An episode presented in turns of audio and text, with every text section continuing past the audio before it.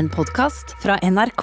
Audun Mykja er lege, musiker, forfatter og forsker. Sammen med sin kone driver han Senter for livshjelp på Toten, og gjennom 40 år har han prøvd ut en rekke metoder for å finne de beste verktøyene mot stress og indre uro. Mykja har tatt en doktorgrad innen bruk av musikkterapi, og han har gitt ut 24 bøker. Dette er Drivkraft med Vegard Larsen i NRK P2.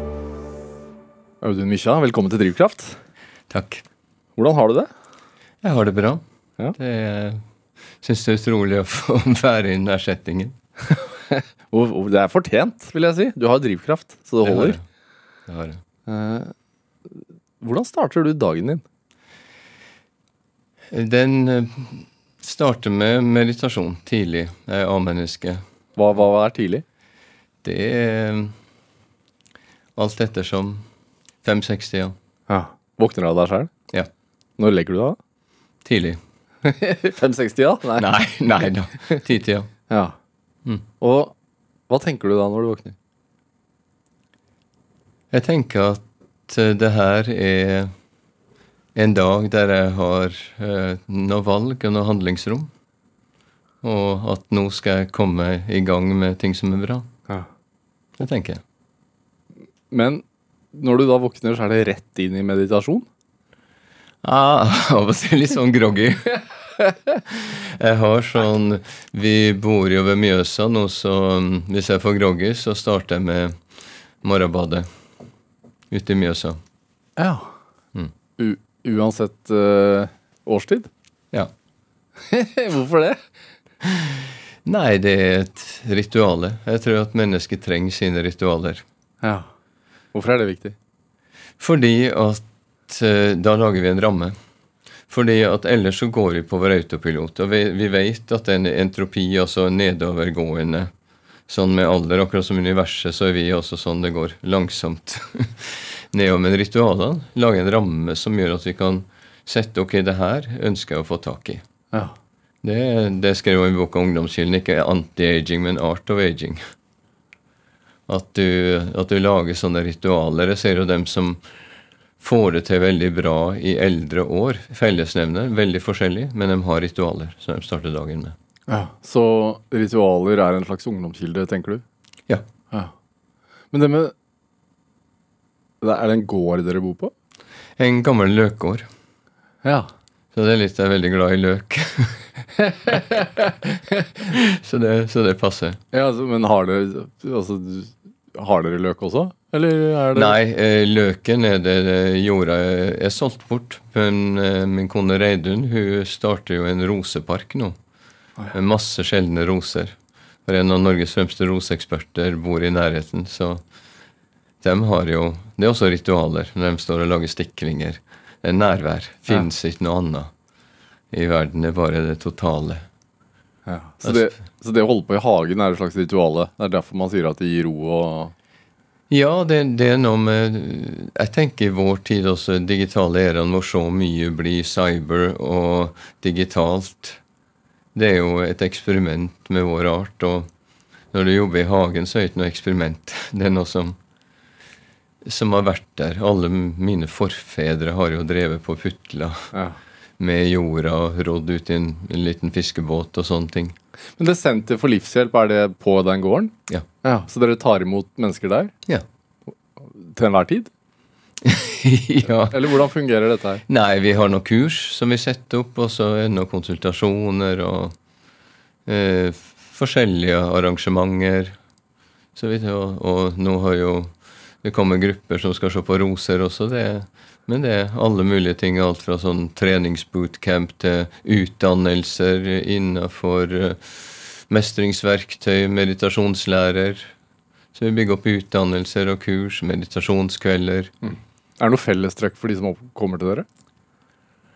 Ja, altså det er mennesker som er åpne, som, som ønsker å finne verktøy til mestring, rett og slett. Enten det er kreftpasienter i siste fase eller friske folk som føler seg litt stressa. Ja. Så så er det å tilpasse verktøy til, til den enkelte. Og jeg mener jo meditasjon er en gave. Det har blitt et samfunnsoppdrag for meg. Og eh, som er skissert i den nyutkomne boka 'Meditasjon veien til deg selv'. Ja. Du, du holder jo også på med tibetanske riter. Ja. Hva er forskjellen? Tibetanske riter er mm, Om de er fra Tibet og 2500 år gamle, det aner ikke jeg. Men det jeg vet, er at det er en perfekt pakke til å få til meditasjon, pust, styrke, smidighet, utholdenhet mm. på et kvarter. Eh, Si meg noe annet som kan fullbyrde en sånn pakke.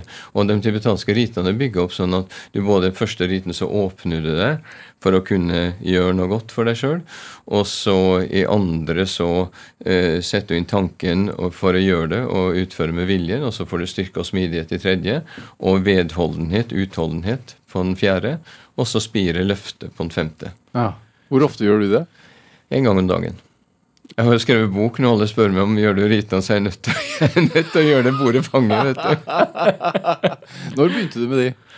Eh, Det var eh, det for eh, drøyt 30 år siden. Jeg var i småbarnsfasen, hadde en svær allmennpraksis og sykehjem og helsestasjon og asylmottak og jeg vet ikke hva. Og, og treningsøkter, lange tu- turer i skog og mark kunne jeg bare glemme. Det var, og, og da kom jeg over ritene. 15 minutter om dagen. Eh, Jeg husker den dag i dag, bare den der reaksjonen. Og det funka. Ja. For jeg merka at da hadde forfallet begynt sånn langsomt. ja. Når begynner kroppslig forfall? Du er jo lege. Jo, det er jo eh, 35-årsalderen. Du ser da at toppidrettsfolk ofte gir seg. Toppfotballspillere og alt sånn. at Da er det Du ser i litteraturen også Goethes Faust, Dantes Inferno, begynner på 35-årsdagen. En begynner å se at livet er endelig, at vi, vi er sannsynligvis ikke udødelige. kroppslige forfall er én ting, men ja. hva med det mentale? Der har vi nå store muligheter. Det er, og, det har jeg også forska på. Jeg har forska på den vanskelige aldringa med demens, som er et kjempesamfunnsoppdrag, som jeg er veldig stolt av å få vært med i. Å bygge verktøy, altså verktøy uten medikamenter, som virkelig kan hjelpe. Og som, eh, som en hjelpepleier på et eh, sykehjem eh, langt ute i Huttehytta uten musikkbakgrunn kan bruke og få resultater. Men jeg har også jobba med de her eh, friske eldre. Det fascinerer meg mer og mer. Og dem kan ha sykdommer. De kan ha vært gjennom en kreftsykdom, mange har, de har fått skifta i hofte, de høreapparat osv. Men de klarer likevel å være i flytsonen. Det er fascinerende med tibetanske riter også. At de styrker flytsystemet. Hva er flytsone? Flyt, flytsone psykologisk er der hvor du, eh, du er ikke forstyrra av masse tanker og hit og dit. Skal jeg gjøre det, eller skal jeg gjøre det? Idrettsfolk bare snakker om det. Michael Jordan snakker om det han har det der mikrosekundet, eh, har ballen, og, og så har, plutselig utvider seg. Den drømmen med bær på tid skal åpne seg. Plutselig så sitter han der og, og kan bare ta den i den der evighets hvor tid og rom utvider seg. Det er som meditasjon. Ja. Men fysiologisk så er det å få i gang sirkulasjonen gjennom kroppen. Og det er jo fascinerende de siste 20 åras forskning. Det er et helt nytt system som da jeg studerte medisin på midten slutten av 70-tallet. Så var jo det bare en passiv beholder. Har du hørt om fasciene? Altså bindevevet. Fast. Fascier. Fascier, ja. Det ligger utafor. Musklene blir bare en blubb uten fasciene. Ja. De ligger og holder musklene på plass. De holder til og med skjelettet på plass. De holder organene på plass. Ja. Og ligger rundt hjernen og ligger rundt buken. Men det ser nå ut til å være en regulering i flytsystemet. Og det har vært for meg løsninger på noe jeg aldri har skjønt. For sånn som vi har lært om nerveimpulser, det kan forklare bevisste handlinger, men ikke det som skjer spontant i øyeblikket. Hvor alt skjer Ja. i, i, i sanntid. Så, så vi vet mer og mer nå om kroppen. og det er, en, det er en sånn stor og spennende oppgave å få ut verktøy til folket som tilpasser, ikke bare som supertrente. De klarer seg sjøl. Men, men tibetanske riter og, og, og meditasjon, hva vet man om det i- av forskningen? Den eh, boka mi om meditasjon nå har 242 referanser, over 200 av dem eh, fra de her beste vitenskapelige søkestasjonene. Ja. Jeg har dokumentert mer. Til og med første stadium av demens er det vist at meditasjon kan hjelpe. Gode studier. Hvorfor det, tror du? Fordi at eh, ved demens så mister en beskyttelsen mot sanseinntrykk, så verden går rett inn. Og dermed så blir hjernen vår den er i utgangspunktet støyscener. Vi konverterer det fra støy til mening, f.eks. gjennom gode samtaler, sånn som nå. Hvis det gir mening hos dem som hører på nå, så blir også deres hjerner ikke støysendere, men en blir mer intelligent, mer på plass. Ja. Eh, og ved demens så overtar støysenderen. Eh, nye hjerneundersøkelser har vist det at det er rett og slett hjernestøy. Og når vi føler at det koker i hodet, så er det fordi det koker i hodet. ja. Rett og slett.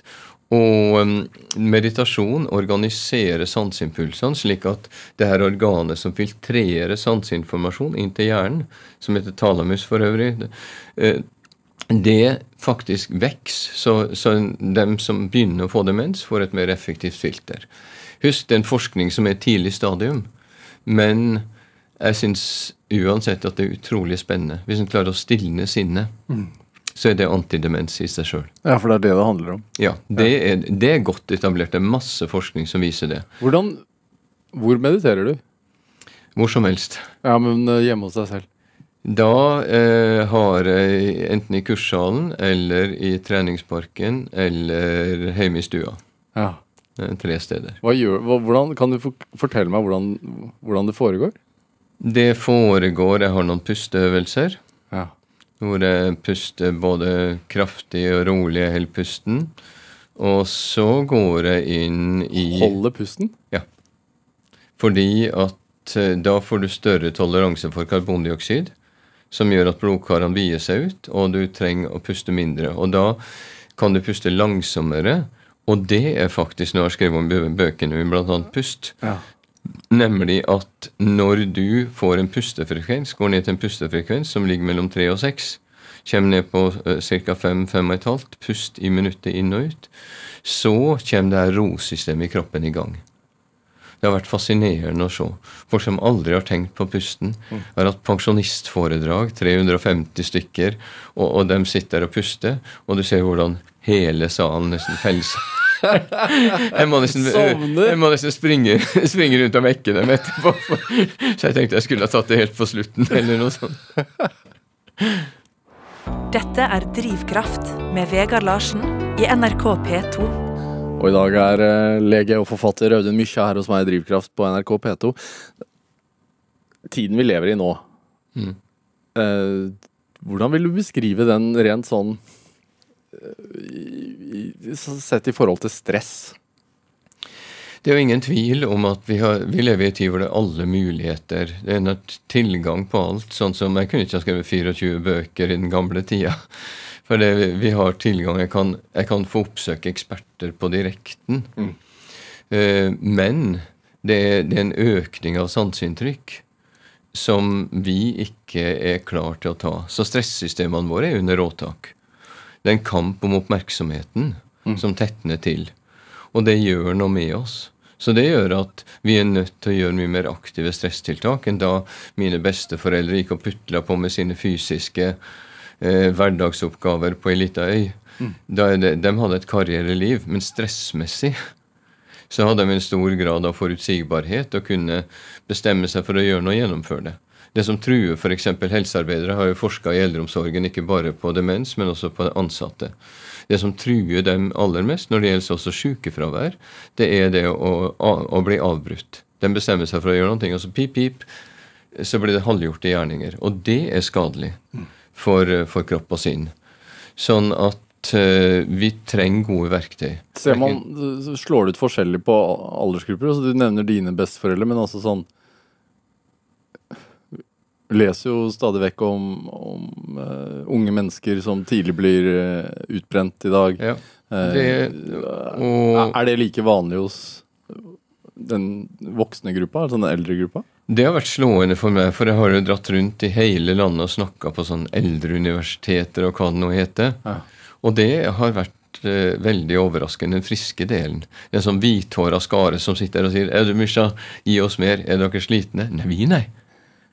De klarer å bruke de, de, har det gamle Norge hvor de vokste opp og var ute hele dagen når de var små og ja. hoppa i snøen og sånn. Mens eh, jeg har jo en student da, men nå som driver på opp i Nord-Trøndelag og kartlegger og setter inn meditasjonsverktøy til ungdommene, og får akkurat samme resultatene som HUNT-studien fra tre år tilbake, at det er en dramatisk forekomst av angst, depresjon Eh, hos eh, tenåringer. Noen sier at ja, det er overdrevet. Jo, kanskje overdrevet hvis vi ser på diagnoser, alvorlig sykdom. Mm. Men en må ta det på alvor, for det er gode uh, metoder som er brukt. Og, og det spørres spesifikt om, om, det er så mye at du er slått ut av funksjon. Mm. Så vi må gjøre noe. Vi må få inn gode verktøy inn i skoleverket, inn i hverdagen. Og vi ser at meditasjon er jo en av verktøyene. Fysisk aktivitet åpenbart. Rytmisk bevegelse, sang. Alt det her virker. Hva er det, som, hva, hva er det folk gjør feil av i en vanlig hverdag? I, feil? Jeg vil ikke si at folk gjør noe feil, men jeg sier at folk blir overvelda fordi at uh, den digitale virkeligheten som skulle frigjøre oss, gjør krav på oss. Jeg sendte en mail. og, og, eller jeg husker jeg undersøkte ei ei ung jente som hadde magesmerter. Og hun lå der med, med, mobilen, og jeg skulle undersøke magen, og mora sa nei, nå må du legge deg fra mobilen. Men det er på! Ja. Ikke sant? Hun kunne ikke legge seg fra mobilen sjøl om hun hadde akutte magesmerter og skulle undersøkes. Så, det, så det, det, er noe som legger krav på, som vi må ha et bevisst forhold til. Og hvordan håndterer vi det? For verken du eller jeg kan stoppe flommen av informasjon. Men sånn som de, de senere årene, da, når det først har vært en voldsom pandemi som har preget alles hverdag, og så er den over, og så blir det brutt ut krig og som bare eskalerer, virker det som. Mm. Hvordan påvirker det oss? Jeg ser jo i intervjuene jeg har f.eks. med helsepersonell, så er det den her tidligere veldig framtidsoptimismen mm. har snudd seg. Når var det fremtidsoptimismen var på topp, tenker du? Eh, det var da jeg begynte med det her sånn slutten av 90-tallet, begynnelsen av 2000-tallet. Da var det en veldig framskrittsoptimisme. Vi hadde fått internett, og det skulle avlaste oss, de digitale verktøyene. Så vi ville få mer tid og mer ro. Mm. Og, og, det har, har snudd seg. Og jeg tror der vi er nå, så trenger mennesker virkelig noe å holde fast i. Og der er meditasjon og verdier noe som, som jeg tror er, er, veldig sentralt for mennesker å finne. Mm. Men det, meditasjon, det å bare sitte ned og hva skal man si, frigjøre sinnet, men, men kan det være kan man velge andre alternativ? Å oh ja, absolutt. For det første har jeg i boka mi om meditasjon gåmeditasjoner, løpemeditasjoner, dansemeditasjoner. Mange sitter, mange drar på fisketur, eh, på jakt. Eh, det er så mange måter å finne tilbake til seg sjøl på. Ja. At, eh, så, så, jeg tror at eh, vi lever i en tid hvor det er mange muligheter, og det er viktig at hver enkelt finner hva er det som gir meg sinnsro og en forankring som gjør at jeg er rusta til å møte en hverdag. For ingen av oss kan vite hva framtida vil bringe framover. Så jeg tror det er, veldig, det er veldig viktig at vi, vi, vi, går inn og finner hva er det som betyr noe for oss. Mm. Hvordan møter du den uroen som er i verden i dag?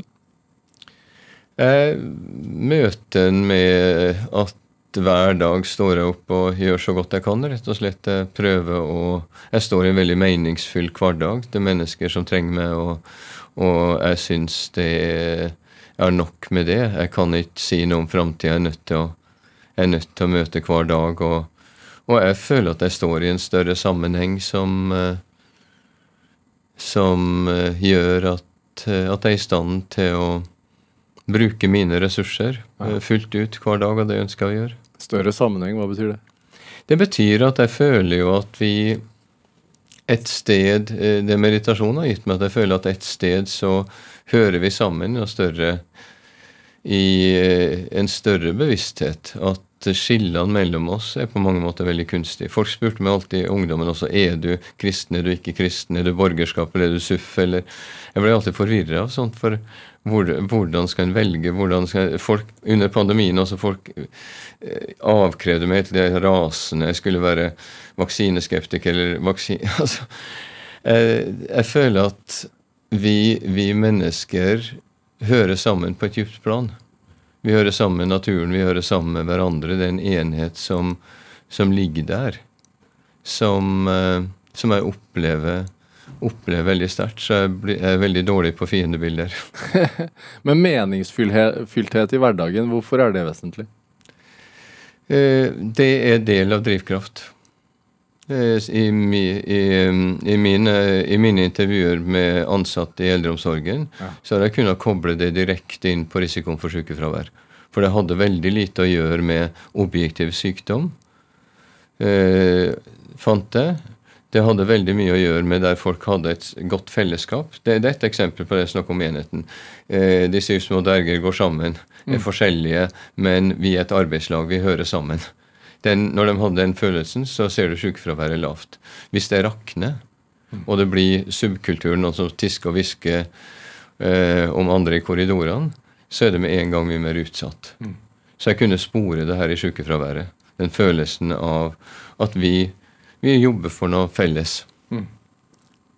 Men en, en sånn type drivkraft, eh, sånn som du har, da. Altså 24 bøker, driver egen eh, altså Et senter for livshjelp, du er lege, du, du, du driver med forskning på si, du holder på med musikk. Mm. Når er du stressa? Dataproblemer. med dataproblemer. det er det eneste som får meg ut av fatning. Ja. ja, men er det sant? Ja. Ja, hvor, Hva er hemmeligheten? Nei, det er, eh, det er trening. Ja. Fordi at jeg har ikke, jeg har ikke vært et sånt eh, Jeg har vært et eh, litt, litt sånn overfølsomt menneske. Jeg har vært veldig avhengig av å, å virkelig kunne lande i en indre forankring Mm. for å fungere. Jeg har lyst til å snakke mer om Audumisha, men, men, men før det så syns jeg eh, Jeg synes vi skal spille litt musikk. Ja. Hvis du er klar for det. Og, Ja. og det er litt sånn eh, Det er ikke vanlig i, i Drivkraft at uh, gjesten skal spille live uh, i studio med, med, med gitar og, og, og, og munnspill. Men, men altså, bare før det altså Det, du ble jo uh, Nå er den mikrofonen der på. Du ble jo nevnt Ja. i, i Kongens tale i 2011. Ja. eh, som en av få som, som ble sitert. Eh, har det noe med låtvalget å gjøre? Ja, faktisk. Fordi at jeg hadde ikke hørt eh, diktet av den eh, låten. Men det jeg husker aller best, var jo det derre kongen som sa som et mantra, rett og slett 'Mangt skal vi møte, mangt skal vi mestre'. Igjen og igjen. Ja. Og det gikk så djupt inni meg. Og så hadde jeg første eh, kull av en utdanning jeg kjører i helsevesenet, musikkbasert miljøbehandling, og det var to unge kvinner. Den ene av dem spiller jeg faktisk med den dag i dag. Ja. Som, eh, som sang den sangen. Og det også gjorde et dypt inntrykk. Og den sangen har blitt et slags mantra for meg. Eh, Tenk på hvis alle i Norge våkna opp i morgen. Litt som i Tibet, hvor folk våkner opp og sier 'Å, mani padme hum'. Hvis alle hadde våknet opp og sagt 'Mangt skal vi møte, mangt skal vi mestre'. Ja. Dagen i dag kan bli vår beste dag. Eriksbys låt. Ja, Ja. og Jon Rosslund som laga, eh, som laga melodien. Erik Bye ble jo inspirert eh, når han var og hørte der på den pro, eh, det stedet han skulle lage prolog til, på Andebu. En multihandikappa kar som spilte i det døveorkesteret, som var blind og døv, men folda seg ut med sånn spilleglede. At Erik Bye skrev visstnok denne sangen til han, og kanskje til oss alle. Skal vi høre? Skal du Ja, spille for oss? prøve.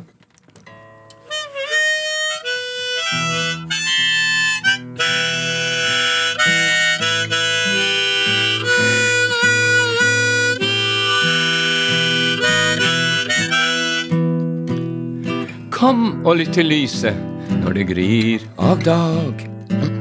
Solens Oi, oi, oi. Det var Jeg skal jeg begynne på nytt. Det er lov. Sånn er det når det er direkte på var, for det var noe som plutselig kom til meg. Kom og lytt til lyset når det gryr av dag. Solen setter sin trompet mot munnen. Lytt til hvite sommerfugler svinge slaget, ja, denne dag kan bli vår beste dag. Og stien som vi gikk i går, er like ny. Hemmelig som ved det første morgengry. Og mangt skal vi møte, og mangt skal vi mestre, og dagen i dag kan bli vår beste dag. Wow, wow, wow.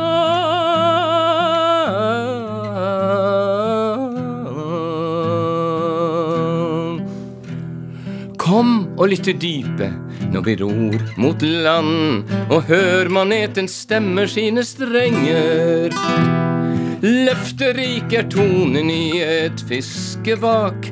Ja, denne dag kan bli vår beste dag. Under oss er fjorden like blå og blank. Blikket ditt er fritt og ryggen like rank. Og mangt skal vi møte, og mangt skal vi mestre. Og dagen i dag kan bli vår beste dag. Oh, ja.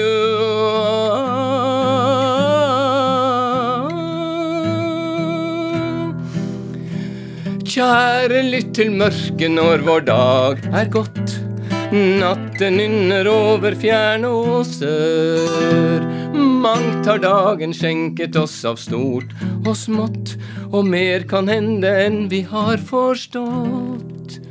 Månen over tun og tak er like ny. Tier stille om et evig morgengre. Og mangt skal vi møte, og mangt skal vi mestre. Dagen i dag kan bli vår beste dag. Og mangt skal vi møte, og mangt skal vi mestre. Dagen i morgen, den skal bli vår beste dag. Dette er Drivkraft med Vegard Larsen i NRK P2. Og du fikk eh, altså forfatter og lege eh, Audun Mykja som fremførte Erik Byes eh, låt 'Vår beste dag' her i Drivkraft på NRK P2. Eh, tusen takk for fremføringen. det var fint. Hvordan føltes det? Jo, det føltes det var veldig rart. Det stoppa opp i første verset. Det var et eller annet jeg måtte ha med meg. Ja, det går greit. Det er Ja, ja, det, gikk, det, det går greit for meg også, for jeg, jeg er ikke så opptatt av det fullkomne. Jeg er opptatt av det ekte. Ja. Hvorfor er det viktig å tenke på, tror du? Nei, det er så mye som er polert i vår tid. Og for meg er det viktig at jeg må ned i, i noen årer hvis det skal være meningsfullt for meg f.eks. å spille. Så ikke for å, for å framføre et eller annet, men det å få tak i et budskap. Og av og til så må jeg stoppe opp for å få tak i det budskapet. Det, det med musikk eh, hvorfor har, du, hvorfor har det blitt så stor del av livet ditt? Du har jo du har skrevet doktorgrad om hva musikk kan, kan Hvordan det kan fungere i terapi, f.eks., og, og, med demenspasienter. Og. Språkløshet. Eh, eh, ble jo lært opp til å bruke medikamenter, kirurgi og en gode samtale. Men jeg opplevde jo veldig mange pasienter at språket ikke strakk til. For eksempel det, det satt ei mor der, en pasient fra praksisen min, som hadde fått jobb, hadde gifta seg, og så lykken var fullkommen, og kom et barn. Så var hun noen måneder gammel, og så plutselig så merka hun knudder i venstre bryst. Og når hun kom inn, så var det en galopperende kreftsykdom som var kommet for langt. Og så kommer hun tilbake, og jeg skal snakke med henne.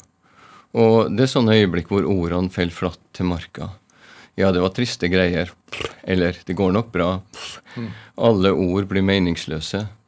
Og plutselig så kom det sånn fra gråtekoner eller kloke koner eller hva det er, til alle tider. Eh, mm,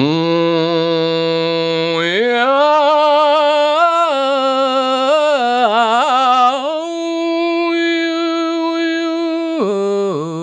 Ops. Men så så jeg tårene i øynene, og hun sa at endelig var det noen som forstår meg. Det var et avgjørende øyeblikk for meg.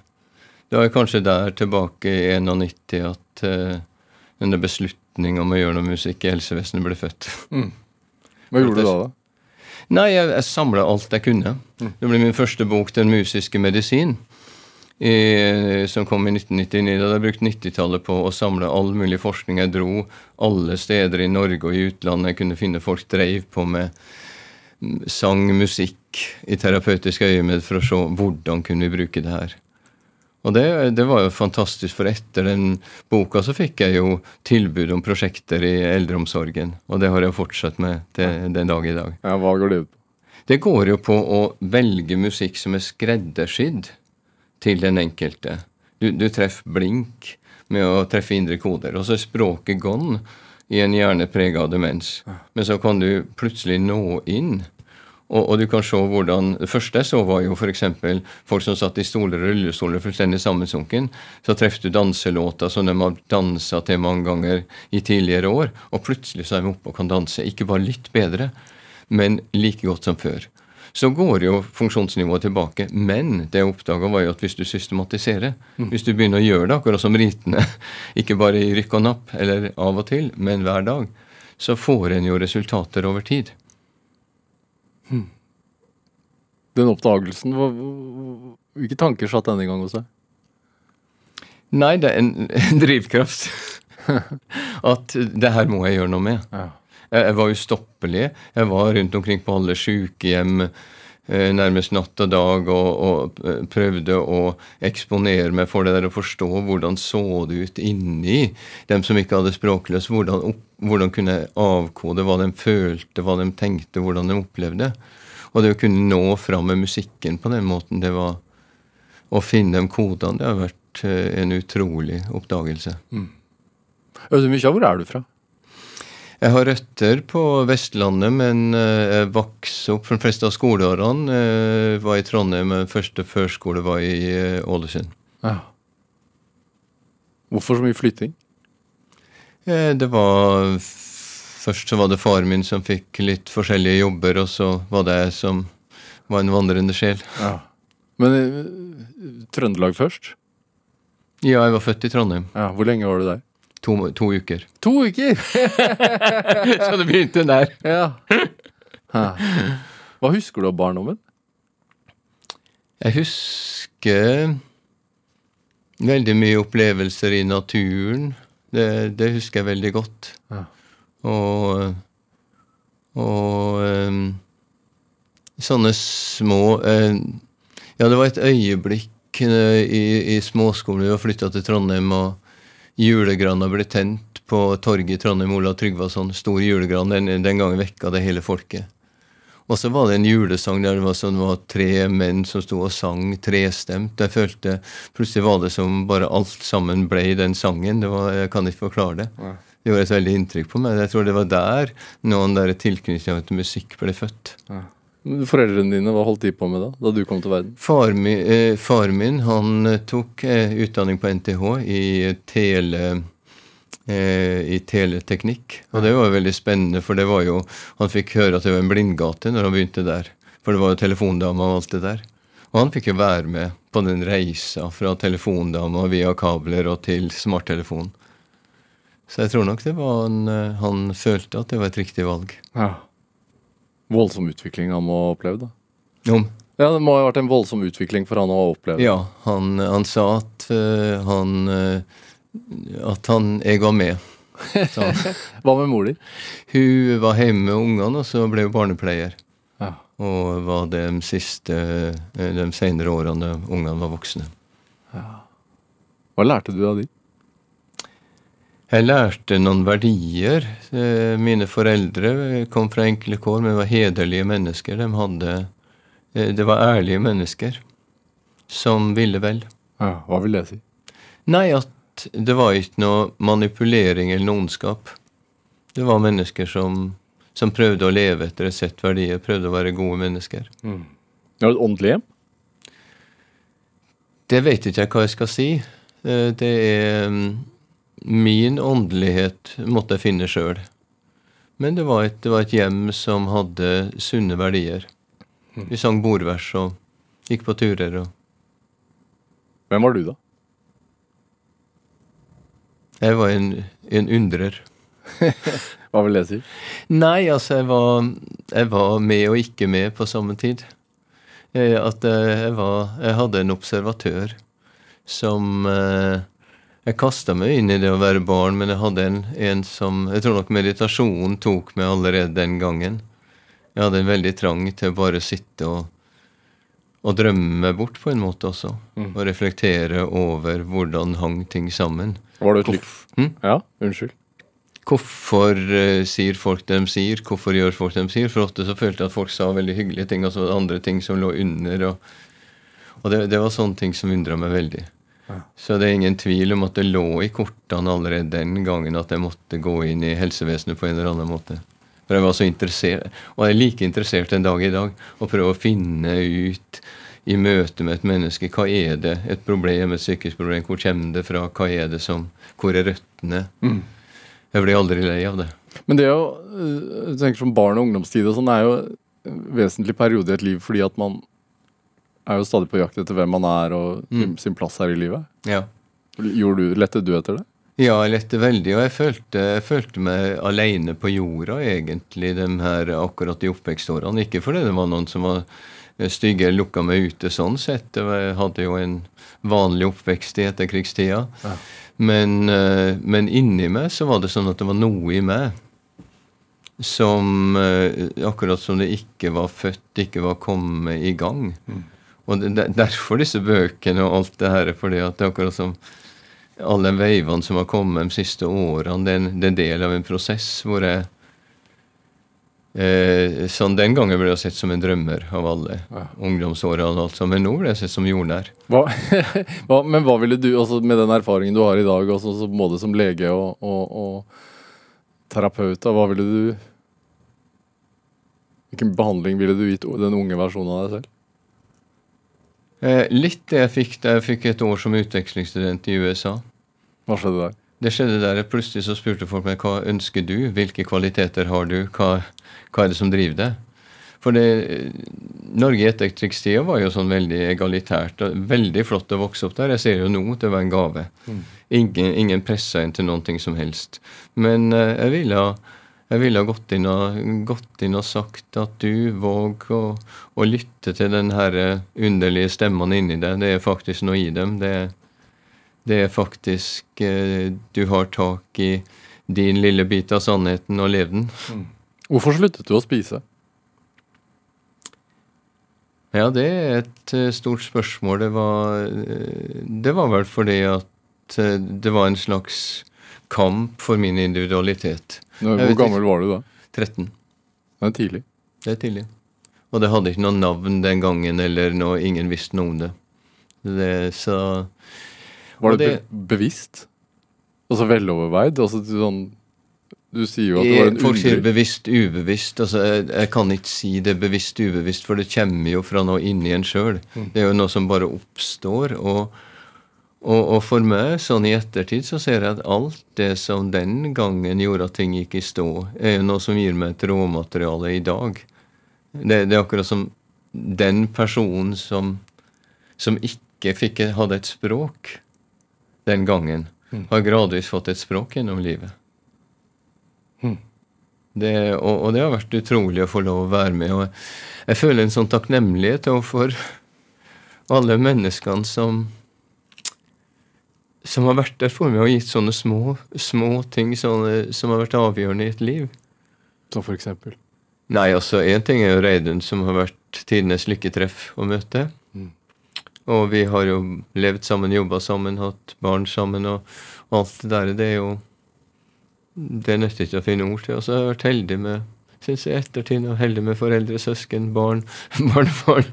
Og heldig med folkene truffet underveis. Truffet de rette folkene på rett, eh, på rett tid. og Sånn at mitt liv kan bli operabelt. og Du snakker om den drivkraften jeg har. Jeg føler det ærlig talt føler at det har noe med å gi igjen å gjøre. Ja. Jeg syns jeg har fått så mye at jeg kan aldri jeg kan aldri gi igjen for det nok. Jeg kan bare prøve så godt jeg kan Ja. Og gi tilbake. Jeg syns at jeg ser nå Det er som om Det er litt sånn Uh, Poeten kan jo si ting. Dylan synger jo i I shall be released. Uh, they say everything can be replaced, yet every distance is not near. So I remember every face now of every man who brought me here. At alle menneskene som har brakt meg her, alle små handlingene og det å nå å bli nådd, det er, det er noe av det som, som driver meg, og som jeg ønsker å, å formidle unna alle mennesker. Å kunne komme inn i der hvor en blir nådd i noe ordentlig. Det var det jeg ikke hadde tilgang til den gangen jeg slutta å spise. Men jeg visste at det fantes et sted. Jeg visste at jeg ikke kunne leve uten det. Og nå får jeg leve med det. Og da må jeg bare Det er ikke noe snakk om å Det er ikke noe snakk om å piske seg sjøl til å jobbe, men det er bare en sånn trang. Det, det, det kommer fra hver celle. Det er ikke noe sånn som i hodet eller i følelsene. Det er bare, det er bare noe som, som driver med, som ikke kan stoppes. Som ikke har jeg vet ikke, Det har ikke så mye med tanker å gjøre engang. Det er bare det er bare meg. Du beskriver jo en av bøkene dine om en sånn skjellsettende øh, nær døden-opplevelse Ja. som, Hmm. Som har blitt helt sånn vesentlig i, ditt liv. Ja, det er del av sånne markører i et liv som uh, uh, som ga meg en viten. Det, viktige med den var at det ga meg en viten om hva mitt liv skulle handle om. For før det så ante ikke jeg, og livet mitt var kaos i stor grad, for jeg visste ikke hva livet mitt skulle handle om. Nei, hvor var du da? Hva, hva, hva, Jeg var i Irland. ja, hvorfor var du der? Det var en sånn siste sjanse for å For det ting eh, Altså eh, Jeg fant ikke noe annet enn kaos, og, så, og der var det en, eh, en gård med psykisk utviklingshemma som var drevet etter antroposofiske prinsipper. og tydelige De hadde noen tydelige verdier, og jeg tenkte at å jobbe med jorda og alt sånn og noen åndelige prinsipper, det kunne kanskje være noen ting. Og, Så på leting etter en slags mening Ja. med livet, liksom? ja. Ja. Jeg, jeg visste at det var noe jeg måtte ha. Og, og jeg så at helsevesenet kunne ikke hjelpe meg. og det, var jo, Alle prøvde, men det var ingen som, som hadde verktøyene til rådighet. Og det har nok gitt meg en drivkraft også til å kunne se og, og, og kunne nå inn dit det gjelder hos mennesker. Det er jo ikke alltid en klarer det. Mm. Overhodet ikke, men, men det, er, det, det er en drivkraft, i hvert fall. Hva skjedde på gården Nei, det gikk jo nedover der, da. med deg? Ja. Jeg ble sjukere og sjukere, og så Og, og i det tilfellet så betyr det at du spiste mindre og mindre? Jeg slutta å spise. Ja. Eh, Selvvalgt. Ja. Eller det bare skjedde. Ja. Igjen. Eh, Det, det er ikke så godt å si. Men det har vært Det er derfor det er ingen selvfølge for meg å, å være frisk, og derfor er det store for meg Jeg, skriver, jeg har skrevet matbøker, jeg også, men jeg er ikke så veldig opptatt av bare det med hva dietter som heter det og det, men jeg er opptatt av det der. Og for meg har det vært en sånn gave av et sunt instinkt for forhold Mm.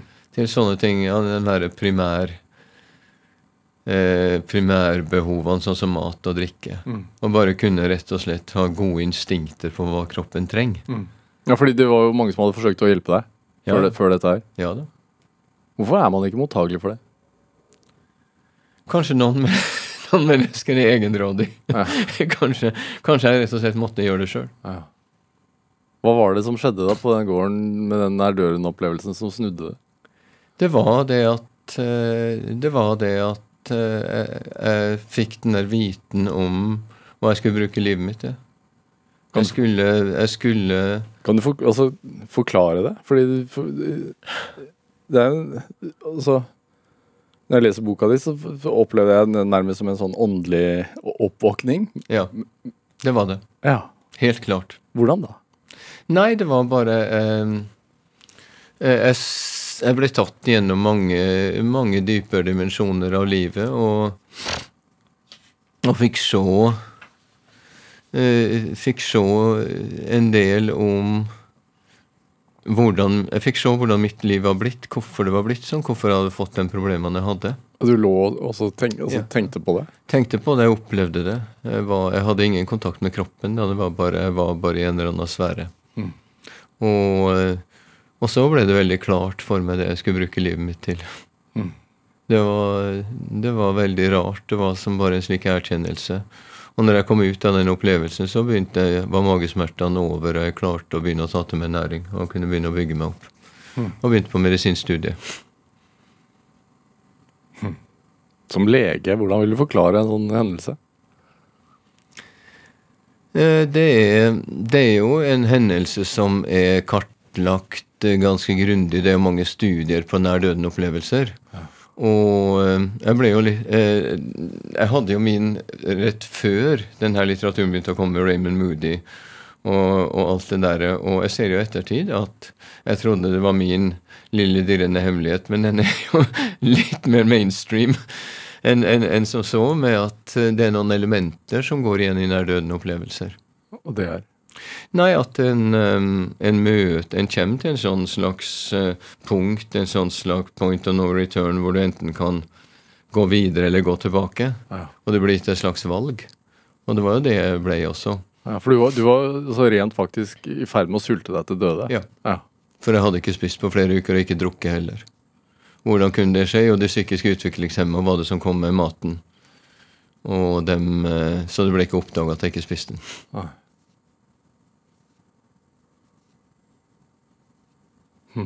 Det gikk rett og slett opp et lys for deg underveis. Om Det gikk rett og slett opp et lys for deg, som man Gikk opp et lys, ja. ja. Ja. Det gjorde det. Hvordan var den å reise seg opp fra den senga da og Fordi, hvis jeg forstår det rett, så var det da du bestemte deg for å bli lege? Ja. Ja. Og det ga meg en type kraft, sånn at jeg var jo svak, men jeg kom meg jo gradvis. ja. Jeg var jo fortsatt veldig undervektig når jeg kom tilbake til Norge, men jeg bygde meg nå opp. ja. Hvorfor lege? Hvorfor medisin? Nei, det var så klart for meg at det var eneste som eh, som kunne fullbyrde det som mitt liv skulle handle om. Mm. Det å gå inn i lidelsen Jeg, jeg tror det, det er noe av det viktigste og største i livet. At det, det, de store religionene og filosofiene har enes om. De er forskjellige, men de enes om at det er lidelse i verden. Utopiene feiler fordi de ikke erkjenner det. Men vi kan gjøre noe for å løfte lidelsen. Buddhismen sier det fins en vei ut av lidelsen. Medisinen prøver å lindre og løfte lidelsen. Alt fra å sy et kutt til å gå inn, sånn som jeg har gjort, jobba på hospice der, der folk skal dø, men allikevel, du kan gi lindring, du kan gi helbredelse av relasjoner, du kan eh, hjelpe mennesket. Og jeg har alltid følt det har vært enormt meningsfylt å gå inn i det. Eh, I går kveld snakka jeg for folk med kroniske smerter, og det å gå inn sammen med dem, utforske ikke som en sånn ekspert som står der og forteller gjør sånn og gjør sånn, men nettopp se sammen på her har vi lidelsen din. Hvordan kan vi løfte? Hvordan kan vi lindre? Hvordan kan vi i noen tilfeller helbrede? Mm. Litt sånn omskrevet Hippokrates. eh, Av og til kurere, eh, ofte lindre og alltid være nær. Men det å lindre med medisiner og, og, og legevitenskap er jo én ting, da. Mm.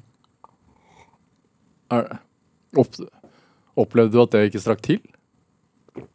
Det er ofte det ikke strekker til. Ja. Eh, Medisin er jo veldig god på det instrumentelle, eh, på akuttmedisin og på klare diagnoser.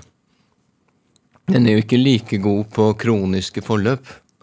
Eller på diffuse forløp eh, hvor ikke diagnosene er like klar. For, og det er jo naturlig, for medisin bygger på diagnosebehandling-modellen.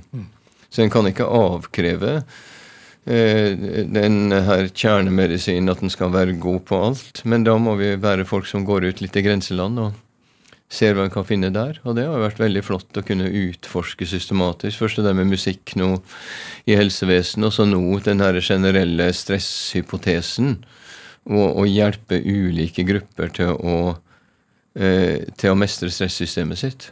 For da får du resultater. Stressystemet er så kraftig. Jeg så på Hospice Lovisenberg, hvis folk var livredde, så kunne du pøse på med morfin. Og det var vann på gåsa. Men hvis personen ble trygg, vi kunne gjøre de riktige tingene, riktig berøring, riktige ord, landa ned lettelsens sukk, så kunne vi jo få gode eh, resultater med en brøkdel av dosen. Så det er et veldig kraftig system. Og det var mennesker som var på vei ut av livet? Ja. Ja. Men du ser det også eh, f.eks. til og med moderne slitenhetsepidemien, sånn ME er jo noe av det eneste fagmiljøene er enige om der, i striden som har vært der, er jo at det her systemet er i lås. I sunnhet så er du på, du er energisk, du, eh, du får gjort eh, eh, masse aktiv på polen, og så har du ordentlig restitusjon, regenerasjon. Du, du får hvile, du får sove. Mens de som sliter, har det til felles, enten det er demens eller ME eller hva det nå er, så er det her i lås. Du får ikke ordentlig aktivitet, du får ikke ordentlig ro å hente deg inn igjen. Og det er jo min lidenskap nå, å virkelig gi folk de her beste verktøyene tilpassa sånn at mennesker kan bruke det. Jeg bruker jo veldig mye pust, da. Det, det ser ut til å være en av universalnøklene som du kan sette inn på nesten hvem som helst. Men du kan ikke bare si 'pust dypt med magen'. Det er bare, det er bare en hån mot mennesker. Okay. Hvis diafragma er i lås, så er det, er det umulig. Ja. Så, så du må rett og slett gå inn og se hvor er det det sitter fast. Jeg elsker det å kunne hjelpe mennesker. Sånn som i går, jeg som satt og sleit veldig med pusten, sånn smertepust, og kunne hjelpe ut til å åpne og bare se når pusten åpner seg. Det er sånn en aldri går trøtt av. For du veit at det her vil gjøre en forskjell for den, for den personen i hverdagen. Pust, rett og slett. Og puste riktig. Ja. Så enkelt. Og så vanskelig. Fordi at det må, eh, det, det, det må tilpasses. Og, og det er ikke én formel, det er ikke sånn one size fits all. Du må rett og slett gå inn og se på den enkelte. Men det å, å gjøre pusten eh, langsommere, det er faktisk noe objektivt. Hva syns legestanden, altså hva sier legestanden om om hva skal man si de, alternative metoder? Det her er jo ikke alternative metoder. Jeg føler jo at det har vært en veldig forandring akkurat nå. jeg. Eh, det har jo Jeg har vært en sånn type som har måttet gå litt ut i grenseland, og det har jo til tider gitt meg et alternativstempel. Men nå så har det skifta helt. Hva har skjedd? Nei, jeg føler at overalt så nå snakkes det om det autonome nervesystemet, det snakkes om pust, det snakkes om prosjekter med flyt og alt sånt i eh, statsstøtta prosjekter i skoleverket og alt sånt. Plutselig begynner alle å snakke om det. Og det, det, er litt sånn, med, sånn som med kosthold i helsevesenet på 80-tallet. Det, det, var Jeg skrev jo om det den gangen jeg prøvde å få det inn på sykehuset, men det var liksom marsboerblikket. Ok. Det, var ikke, det var ikke der. Hva så du? Nei, jeg, jeg, jeg så jo at, uh, at mat eh, Jeg skrev jo om f.eks. at eh, angstpasienter trengte å se på kostholdet. Se på raske karbohydrater, sukker og alt sånn. Og det var jo helt fremme den gangen. Men nå er det allmennviten. Så det, jeg, skal, jeg skal ikke snakke om forut for min tid, men, men snakke om at nå er det et helseparadigme som begynner å vokse fram. Og som jeg får lov å være del, av, del i.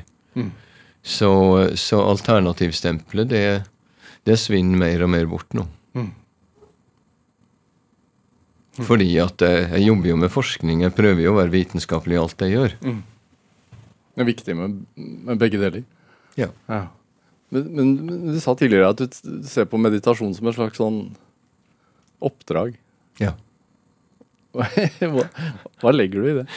Det jeg legger i det, er at jeg tror at jo flere mennesker som kan finne en indre ro og forankring, og stilne, stilne sinne, så blir vi ikke så lett tatt av det som skjer ytre sett. Vi kan, vi kan finne vårt ståsted og ikke bli tatt av f.eks. sånne vinner vinder som går på Facebook, eller folk kjører hit og dit. Eh, eh, ra- rasende eh, innlegg og eh, noe som veldig lett blir støy. Eh, at meditasjon kan gi mennesker en forankring som som, gjør, som gir en viten om hva er rett for meg å gjøre, hva er rett for meg å bruke tida til. Eh, hvilke ord er kloke å si? Eksempel, jeg lærer jo folk opp til å godta følelsen. Du blir plutselig rasende oppbrakt for et eller annet. Irritert, eller hva det er. Og godta det, ikke trykke ned, for det var jo sånn vi ble lært opp da jeg var liten. Det er bra at det endrer seg, men, men at du har et valg. Puste, altså. Du, du er rasende. God innpust. Ah. Og så lang utpust.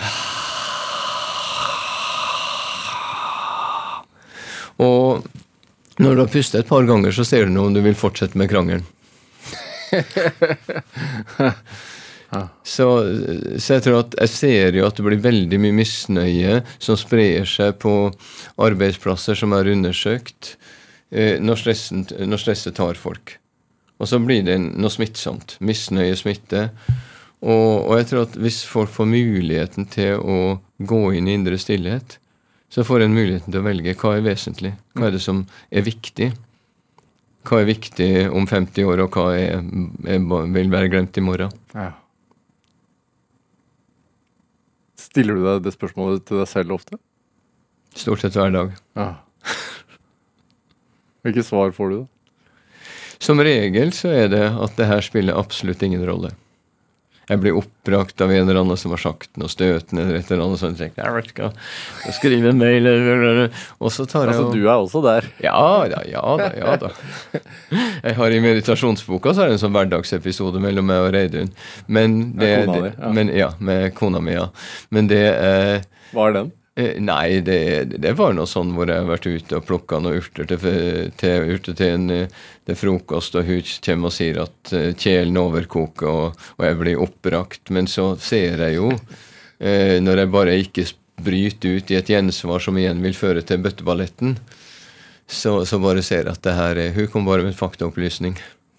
Så det er det meditasjonen har gitt meg. Ja. At det, at det stopper, at jeg begynner å se hva Det her er ingenting å, å lage noen ting ut av. Og bare si OK, jeg skal prøve å lære.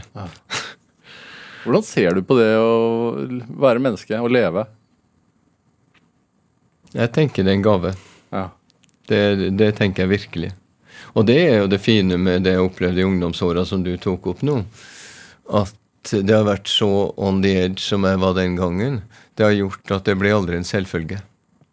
Det, det, det syns jeg Og det blir ikke noe mindre med årene. Det er ikke alltid jeg kjenner på det.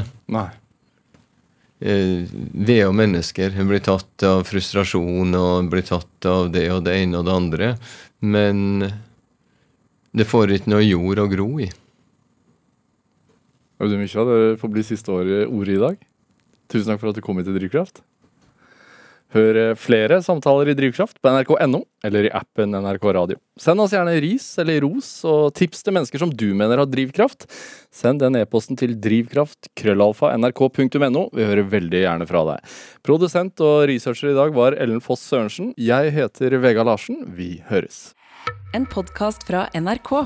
Hei, har du lyst til å bli rik?